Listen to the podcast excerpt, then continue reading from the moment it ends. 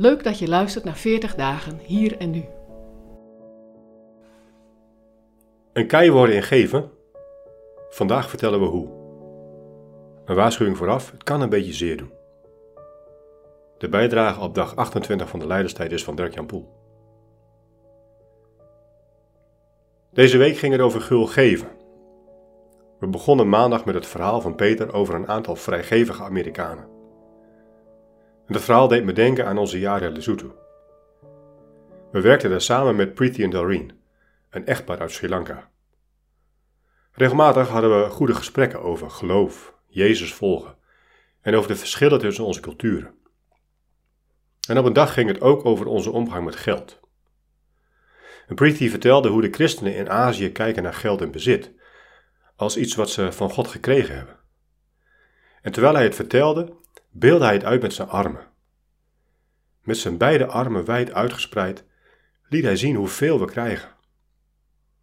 Vervolgens sloot hij een hand en trok die naar zichzelf toe en hij zei: We bedenken welk stukje we voor onszelf mogen gebruiken. Het meeste is bedoeld voor God en voor zijn koninkrijk. Daarna trok hij zijn armen tegen de borst, opende vervolgens ook een hand en zei: Zo doen jullie, christenen in de Westennet. Jullie zeggen: Dit is allemaal van mij, ik heb het van God gekregen. En nu geef ik daarvan dit stukje weg. Oeps, dacht ik toen. Heeft hij daar wellicht een punt?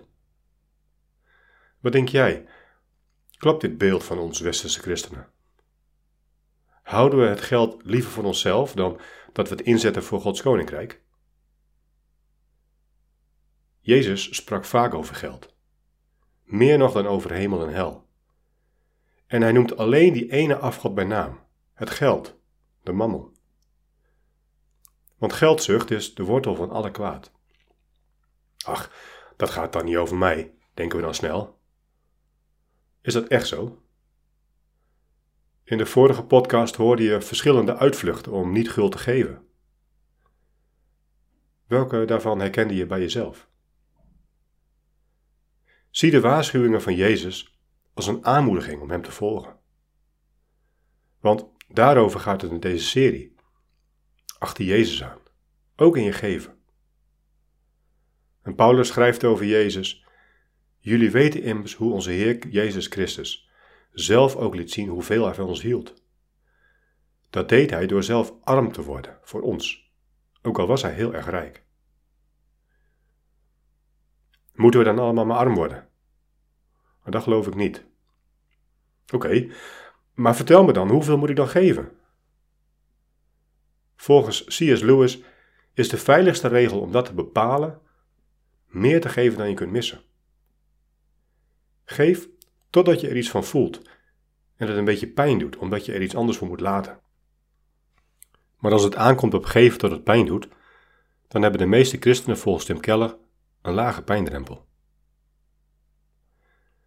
Vandaag geven we je geen nieuwe regel of norm.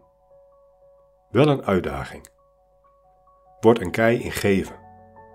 Ga ook daarin op Jezus lijken. Volg Hem op de weg van liefde en geef totdat je er iets van voelt. En doe het van harte, zonder tegenzin of dwang. Want God houdt van mensen die met een blij hart geven. Ik denk omdat Hij in hen iets van zijn zoon terugziet.